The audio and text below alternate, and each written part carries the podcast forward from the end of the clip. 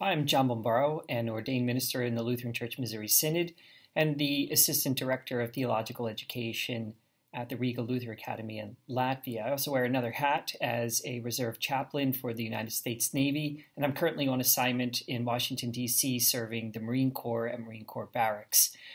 I've also had the opportunity to recently plant a, a church, that's Blessed Sacrament Lutheran Church in Coeur d'Alene, Idaho, as part of my ongoing mission with the Office of International Mission. It's a great privilege to be part of the Lutheran Study Days and particularly to present to you today the preached words certainty and freedom. So, I'm going to talk about the relationship of certainty and freedom as they emerge out of the preacher's task of heralding the king's message, not the pastor's own message, but the king's message lifted from Scripture. I'm going to first start by talking about how Luther had viewed the preached word as equal with the written word of God and the relationship between the two. Luther taught pastors, actually, he taught all Christians to have a mutual esteem for the authority of the Word of God inscripturated, that's the written word, and the authority of the same word orated. But it was really the latter, taught and preached, that he asserted as divine, divine and efficacious speech. He even built this into his small catechism for children, explaining in the third commandment uh, these words Remember the Sabbath day by keeping it holy. Was ist das? What does this mean? We should fear and love God so that we despise preaching and his word, but hold it sacred and gladly hear and learn it. That's rather remarkable. Luther sees preaching as synonymous with God's word, speaking of them in the singular. And preaching is God's authoritative and powerful word, according to Lutheran. So it can be as certain as the written word in its presentation of the freedom from divine judgment, along with the freedom that one has in life indwelt by the Holy Spirit.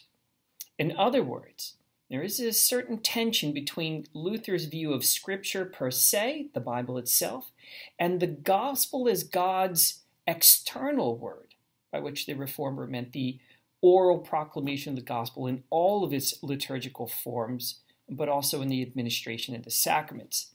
And we find that in the Smalcald articles 3 and 4. The latter two, this orated word, is fully the authoritative word of God based on and lifted from the written word. They are not in conflict, but they work in a complementary fashion, with the latter necessarily and exclusively dependent upon the former. Now, one Finnish theologian explains that, and I'm quoting Luther did not see any conflict between his conviction that Scripture is the normative word of God and that God bestows his grace and forgiveness of sins by means of the spoken word and sacraments. All preaching and administration of the sacraments have their source in the written word of God and must take place according to it. Therefore, the proclamation of the word in sermons and personal absolution, counseling, and the administration of the sacraments is inseparably connected with the scriptures. Only a scriptural teaching, preaching, and consolation leads men to the knowledge of Christ and salvation in Him. End quote. In the Smalcald Articles, 1537, Luther writes, quote, we ought and must constantly maintain that God does not wish to deal with us otherwise than through the spoke word and the sacraments, and that whatever without the word and the sacraments is extolled as the spirit is the devil himself. End quote.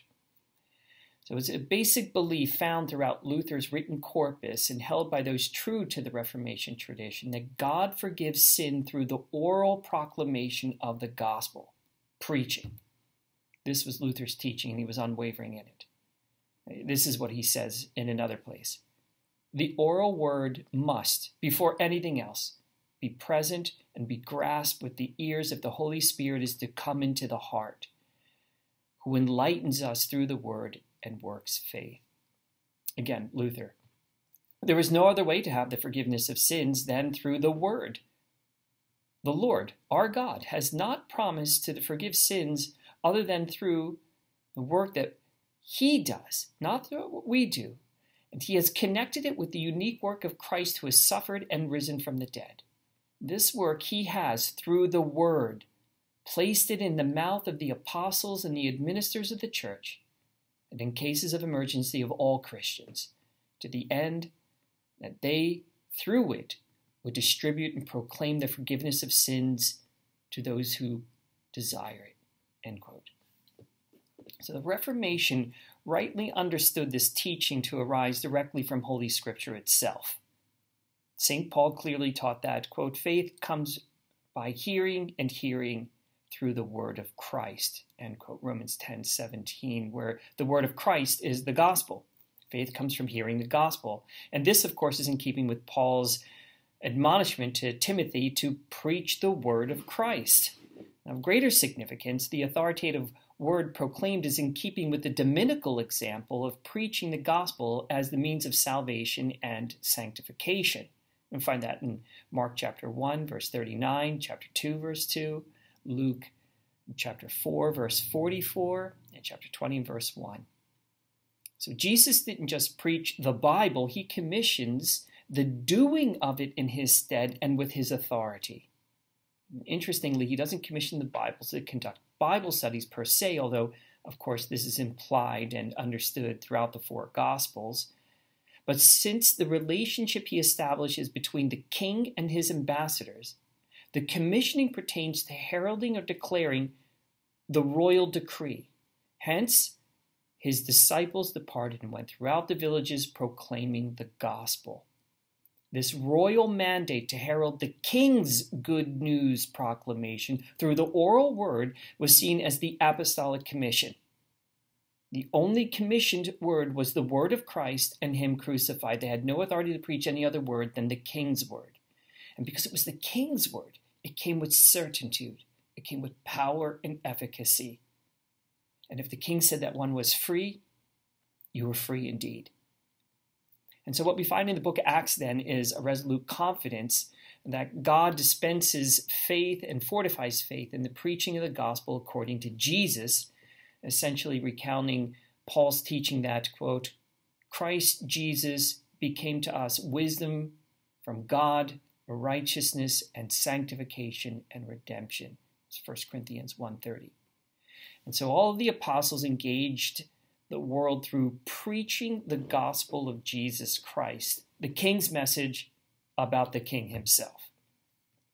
And here are a number of places where that's substantiated in Acts, Acts 5:42. And every day in the temple and from house to house they did not cease teaching and preaching that Christ is Jesus. Acts 6 2. And the twelve summoned the full number of the disciples and said, It is not right that we should give up preaching the word of God to serve tables. 8 4. Now those who were scattered went about preaching the word. Verse 25 in chapter 8. Now, when they had testified and spoken the word of the Lord, they returned to Jerusalem, preaching the gospel to many villages of the Samaritans. Chapter 15, verse 35. But Paul and Barnabas remained in Antioch, teaching and preaching the word of the Lord with many others also. And lastly, at least in this list, uh, chapter 17, verse 18. Some of the Epicurean and Stoic philosophers also conversed with him, and some said, what does this babbler wish to say? Others said, He seems to be a preacher of foreign divinities because he was preaching Jesus and the resurrection. And note that the preached word was not merely informational, what we would call secondary speech about Christ to his auditors. That secondary speech now is going to be contrasted with primary speech. So it, it wasn't merely informational, that's to say, secondary speech, proclamational, primary speech from Christ to his auditors. It was Christ's word because it came from him in terms of origins, but also because it was understood that he was the one who was speaking the word by proxy through his royal agents, called, commissioned, and ordained to do so. Therefore, this word was powerful, not in the sense of it being moving or compelling or profound, although it may have been all of that as well. Rather, the power was in the fact that it was the sword of the Spirit. It was a performative, active word from the Lord that accomplished the purposes for which God had intended. And so it came with profound certitude. In other words, the power was God's, and God powerfully applied, actuated, and effected his word when it was the gospel that was preached. The promise of that power, Luther said, was bound to and limited by the word of the gospel of Christ. And thus, Paul admonishes the Corinthians in chapter 2, verse 2 I decided to know nothing among you except Jesus Christ and Him crucified. Now, here then we have the rationale of Romans 10, verses 12 to 17. For there is no distinction between a Jew and Greek, for the same Lord is Lord of all, bestowing his riches on all who call upon him. For everyone who calls upon the name of the Lord will be saved. And how then will they call upon whom they have not believed? And how are they to believe in him of whom they have not heard? And how are they to hear without someone preaching? And how are they to preach unless they are sent? As it is written, How beautiful are the feet of those who preach the good news. But they have not all obeyed the gospel, for Isaiah says, Lord, who has believed what he has heard from us? And so faith comes in hearing, and hearing through the word of Christ. Now, here we cannot but note the strong emphasis on preaching the good news, the gospel, that is the word of Christ, that is the Christ's own word, the royal proclamation from the king about the king but also on hearing, which is mentioned five times here, in contrast to reading, which isn't mentioned. With such clear teaching from Scripture, Luther puts the emphasis on the spoken or performed or externalized word for justification and sanctification. And so certitude, certainty is going to arise from that. Our understanding and appreciation, even the existential of experience of freedom, will arise from that. But when it comes to the norm and the rule of our faith in life, his emphasis is on the written word of the Bible. He often says that the gospel, in its actual sense, however, is the spoken or proclaimed word. The gospel must be a living voice, is what Luther says, because the one holy, uh, the one true, holy Catholic and Apostolic Church is, in his words, a mouth house, not a penthouse. Luther would go so far as to equate the preacher with the mouth of the Holy Spirit when they externalized the gospel. You see the ground and foundation then for certitude? it, it is the clear teaching that the word does not belong to the preacher, but the preacher is merely relaying or heralding or announcing, proclaiming that which he has received, which is a word that has its own efficacy because it belongs to God Himself. And this is what preaching certainty is all about a clear understanding that the word proclaimed comes from the highest authority, the one who has all authority in heaven and earth. And it is itself an authoritative word regarding the status of the baptized, whether they be free from divine judgment and everlasting death. Lutherans confess this doctrine of the Bible in the Smalcald articles, which reads this. This is 3 8. In those things which concern the spoken outward word, we must firmly hold that God grants his Spirit of grace to no one except through or with the preceding outward word. Thereby we are protected against the enthusiasts, that is, spirits who boast that they have the Spirit without and before the word as they boast that they have received the Spirit without the preaching of the Scriptures. End quote. And there's both a positive affirmation of when the Spirit is given, faith, and therefore justification, Christian freedom, any certitude, and negatively where it does not come from. That's to say, when it be separated from the Word of God, heralded, proclaimed. Or sacramented, which again is externalized. The Reformation's insistence on this teaching arises directly from the high confidence in God, the Holy Spirit, to work through the dynamic word that is Christ and Him crucified as it encounters believers and unbelievers alike, changing states of affairs and instantiating new realities. The heralding and sacramenting of the King's word avails to the ends He purposes. The royal decree, which is Christ and Him crucified for our sins, must be externalized from the page, must be disseminated from the writings, must be illocuted from the written forms to establish the form and the vehicle through which the perlocutionary force obtains the power of the Spirit. Right, that's a bit technical way of putting it, and this is how the Augsburg Confession states it. Quote, by the word in the sacraments, as by instruments, the Holy Spirit is given, who works faith, where and when it pleases God in them that hear the gospel. They condemn the Anabaptists and others who think that the Holy Ghost comes to men without the external word through their own preparations and works. This is Article 5. End quote. This teaching preserved the reliability, objectivity, and undeniability of the necessity of the written word and the Holy Spirit for justification and sanctification. So certainty comes through not examining one's own works or apart from the word, but through the word proclaimed as the word of the Lord Himself. So it's faith, not knowledge. It's faith that is the instrument through which salvation comes and sanctification occurs. Both certainty and the existential freedom that follows arise from the word engendering and stirring faith. Knowledge just does not hold the same place as faith when it comes to justification and sanctification.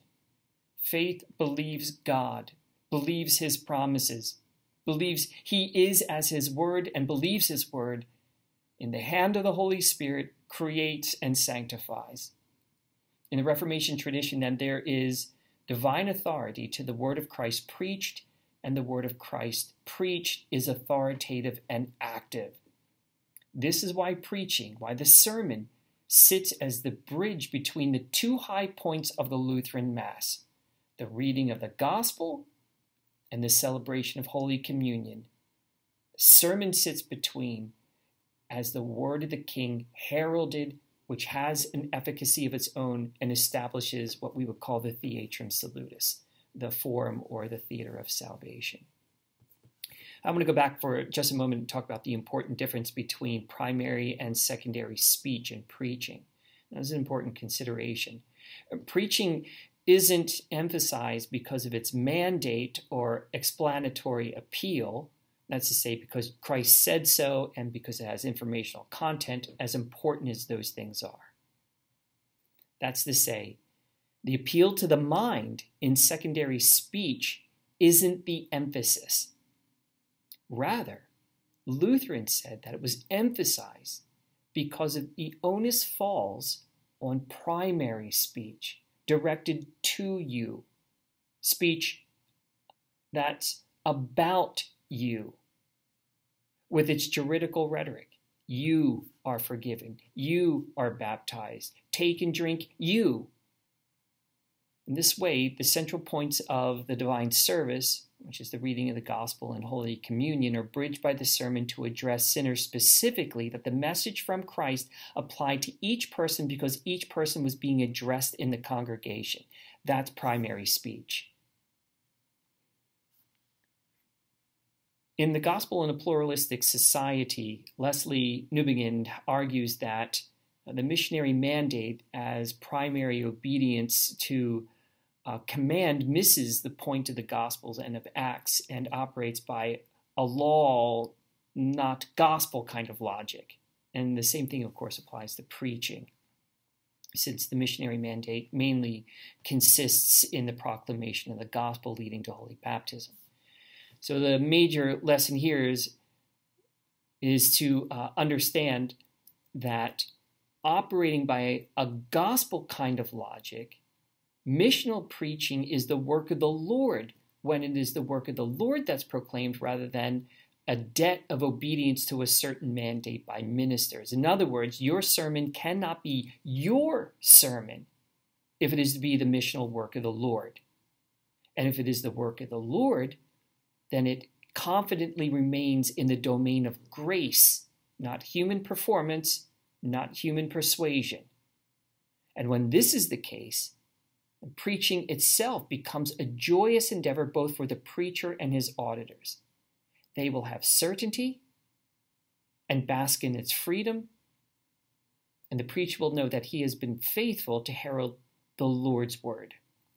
Newbigin believes that this understanding of missions, of preaching itself, whereby our confidence stands in the Lord's word and work, makes our going and our making disciples by baptizing, the so called missionary mandate, the result of uncontainable joy rather than burdensome law or mere ordinances, which cannot but color the proclamation itself and stimulate notions again of certitude. Jesus, who was crucified, is now seated at the right hand of God until all things are put under his feet. Preaching is about making that fact a certitude in the mind of auditors. This has to be proclaimed to all who will hear it because it is the truth about reality as well as being a fact of history. And when that's the case, when these things are communicated that way, it brings a disposition of, of repose and calm that flows from certainty that Jesus is in charge. And because of the primary speech, I belong to Jesus. And it's this that constitutes, I think, the heart of all Christian distinctiveness. Our King and Savior was crucified to death, but now, having been resurrected, rules and reigns by the power of the Holy Spirit through grace, mercy, truth, peace, and love, which he speaks authoritatively to his people. The truth about reality of God's gracious kingdom, having broken into our fallen world, is good news. And so it is delivered and proclaimed from a disposition of joy. This adds to the confidence of your auditors. So we rejoice that God is reigning and ruling through Christ according to a new covenant of grace and not according to an old covenant of law. For beggars like us, like our auditors, that's nothing other than the bread of life, and the telling of it is nothing other than good news. And that is the key to understanding missions and preaching. It is His mission, it is His message. You are to herald His word. Christ commissions only His kingdom of God message to be preached, period. We have to own that as preachers. You're not at liberty. There is no such thing as freedom of religion when it comes to preaching. Consequently, it cannot be your sermon that you preach. Your sermon cannot be your sermon unless sadly it truly is your sermon and not the one that Christ commissioned to be preached, which then nullifies it as a sermon, properly speaking. And this should be clear from the fact that we preachers cannot save anyone. That is the work of the Lord. And there your auditors will find confidence. Not merely is it past tense accomplishment, uh, during the first century Advent, but also presently through the gospel, it is the work of the Lord. Accomplishing salvation is the work of the Lord, and applying salvation is the work of the Lord. And so, for our part, going and preaching set the form in which the Spirit brings the freedom of saving faith of Christ to needy sinners and strengthens the faith of sinners saved by divine grace our Lord Jesus states that this is the way it's going to be with his word being preached when his sermon is in is your sermon. He puts it this way in Luke 10. The Lord appointed 72 others and sent them on ahead of him two by two into every town and place where he himself was about to go. And he said to them, The harvest is plentiful, but the laborers are few. Therefore pray earnestly to the Lord of the harvest to send out laborers into his harvest. Go your way and say to them, The kingdom of God has come near to you. The one who hears you hears me. And the one who rejects you rejects me. And the one who rejects me rejects him who sent me. You see, when the sermon is Christ's proclamation of the kingdom of God, then the result is Whoever receives you receives me, and whoever receives me receives him who sent me. Matthew 10, verse 40. Receiving Christ is pure joy, the joy of being certain of one's freedom. And so the mission of preaching in large part arises from the dynamics of the gospel, notwithstanding it being directed by the Lord. This means that the mission of preaching will not only be a matter of preaching, but also teaching, of learning that this is the work of the Lord when it truly is the word of the Lord. And I think there is where the preacher has his own confidence as well. When we're not confecting our own messages, but rather heralding the king's message. So, to the degree to which we fail to learn that the sermon cannot be ours and that the effectiveness of the word of Christ's kingdom of God proclamation depends on the Spirit, is the degree to which one can be sure that preaching the gospel does not arise from a disposition of joy. What it creates is uncertitude in your auditors. They become uncertain. There's ambiguity there. They have heard from you, not necessarily from the Lord. So, happily, the Lord provides not merely a mandate to missional preaching, but dispositional motivation from the Holy Spirit for us. The fruit of the Spirit is joy, and we're to preach with joy. And when the outcome of preaching depends on the work of the Lord, then preachers will have full confidence in the word of Christ if it indeed be the word of Christ and not their own message that's preached. Dependence on Him, confidence in His mission, begets joy in God, and joy in God begets mission, and mission perpetuates that joy inasmuch as it rises from gospel impulses over and above the mandate to go and preach. When your auditors understand that indeed, in fact, you are preaching the Word of God, the gospel of Christ, they will have certainty. The Holy Spirit will set them free because you will be heralding the truth. He is the truth, as he has said. Father, sanctify them by thy truth. Thy word, he himself is the word made flesh, is truth. Shall, the truth shall set you free.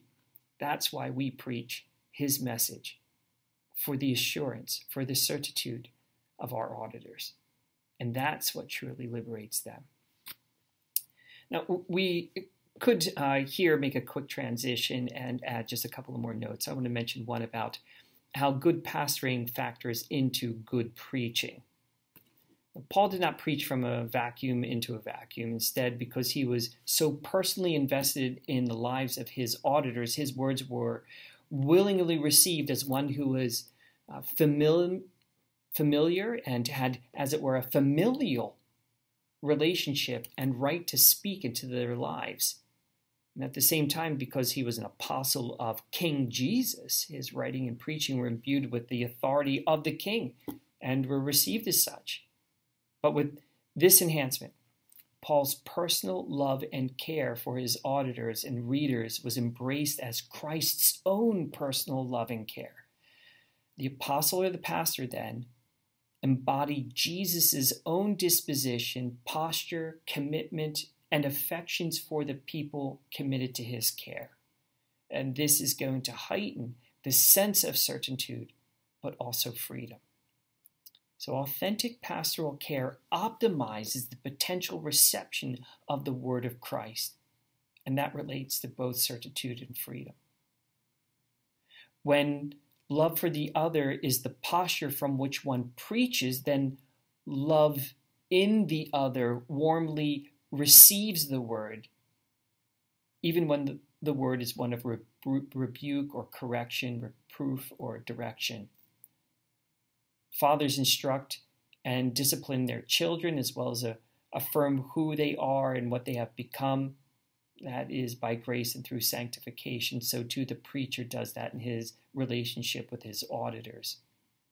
Now, this may be seen as a maxim since such preaching comes with affectations, or affections, we should say, um, earnestly established through Christ's love through pastoral care. Professor Thomas Oden makes this application to contemporary preaching when he says, quote, the quality of communication that will enable the renewal of the church and ministry today must be both apostolic and personal both a rich collection, recollection of the tradition and a highly personalized communication of that tradition through specific relationships of caring. End quote. You see, when love, concern, emotive closeness, and personal engagement characterize the nature, tone, and intent of preaching to the bride of Christ, it cannot but be inherently authoritative and familiar. The address of the intimate bridegroom for the good of his bride, who loves her in a deeply sacrificial way, always with her betterment, her salvation, and sanctification in view, uh, just as St. Paul would write about in Ephesians chapter 5, verses 25 through 32. Luther beautifully uh, understood this idea, and he writes about it as he paraphrased uh, St. Paul's opening salutation of 1 Timothy. My dear Timothy, you know me, you know my teaching, you have observed all of the many things that I have suffered and the false brothers I have had.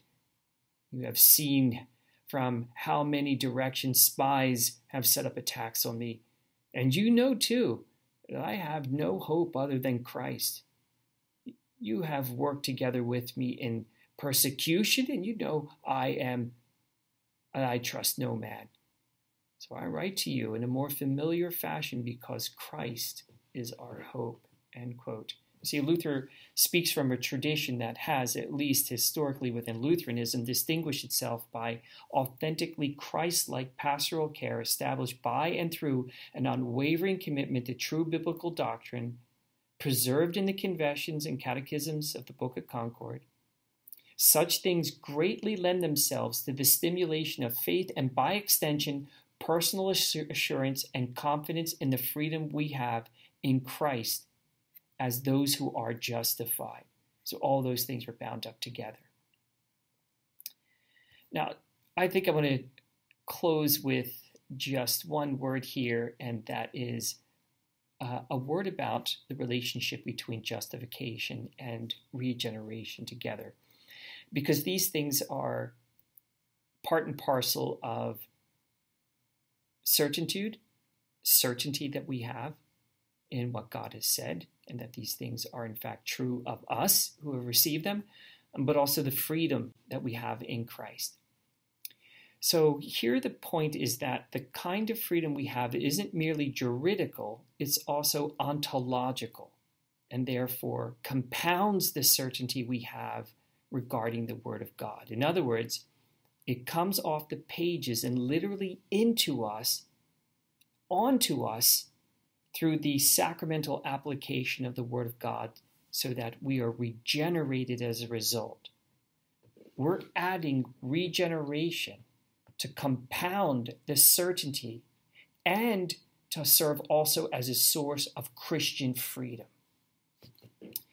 The preaching of the justification of the sinner by God's grace alone through the gifted instrumentality of faith alone because of the total work and representation of Jesus Christ alone is the core of the Holy Gospel. This was the light of the Reformation that shone into the darkness of the works based medieval Catholicism. But that gospel core is like a chemical compound. There's more than one element to it. There's also regeneration that's a constituent element of our salvation. To be sure, those elements are distinguished and constitute different doctrines with regeneration consequent, theologically speaking, upon justification. While arranged in this fashion for clarity and consistency in proclaiming the biblical teaching on salvation as God's work alone through Jesus Christ, these doctrines of justification and regeneration are no more divorced than hydrogen atoms from the oxygen atom in a single molecule of water. They go hand in hand. Preached along with forensic justification our freedom that we have in Christ, is the ontological regeneration of the sinner. God's justifying word recreates the sinner in Christ, not just in terms of reckoning the sinner as one with Christ for justification, but now actually having union with Christ, who is the source and substance of eternal life, where eternal life is not just a quantity of time, everlasting life, but a quality of existence, the divine life. And now we have an ontological component, and that brings a heightened degree of certainty for the Christian and has impact upon our understanding of freedom. Christ is the eternal life. And now that life is in the justified, or put graphically, in the baptized. Justification and regeneration are therefore necessarily connected to have profound implications upon the craft of preaching.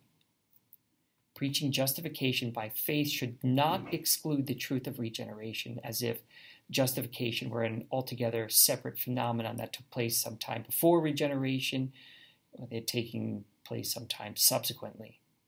Equally erroneous is the idea that regeneration establishes the basis for justification as if they were something about or in the sinner that merited or warranted justification. Not so. Christ is always and only the basis of our justification. He alone is our righteousness. There is no righteousness to be declared, reckoned, or had apart from Christ Jesus our Lord, both in justification and sanctification. But our being declared righteous for the sake of Christ carries the implication that we have now, by the power of God, been regenerated or born again or born of the Spirit, our life being hid in Christ in God, as Paul puts it in Colossians 3 3.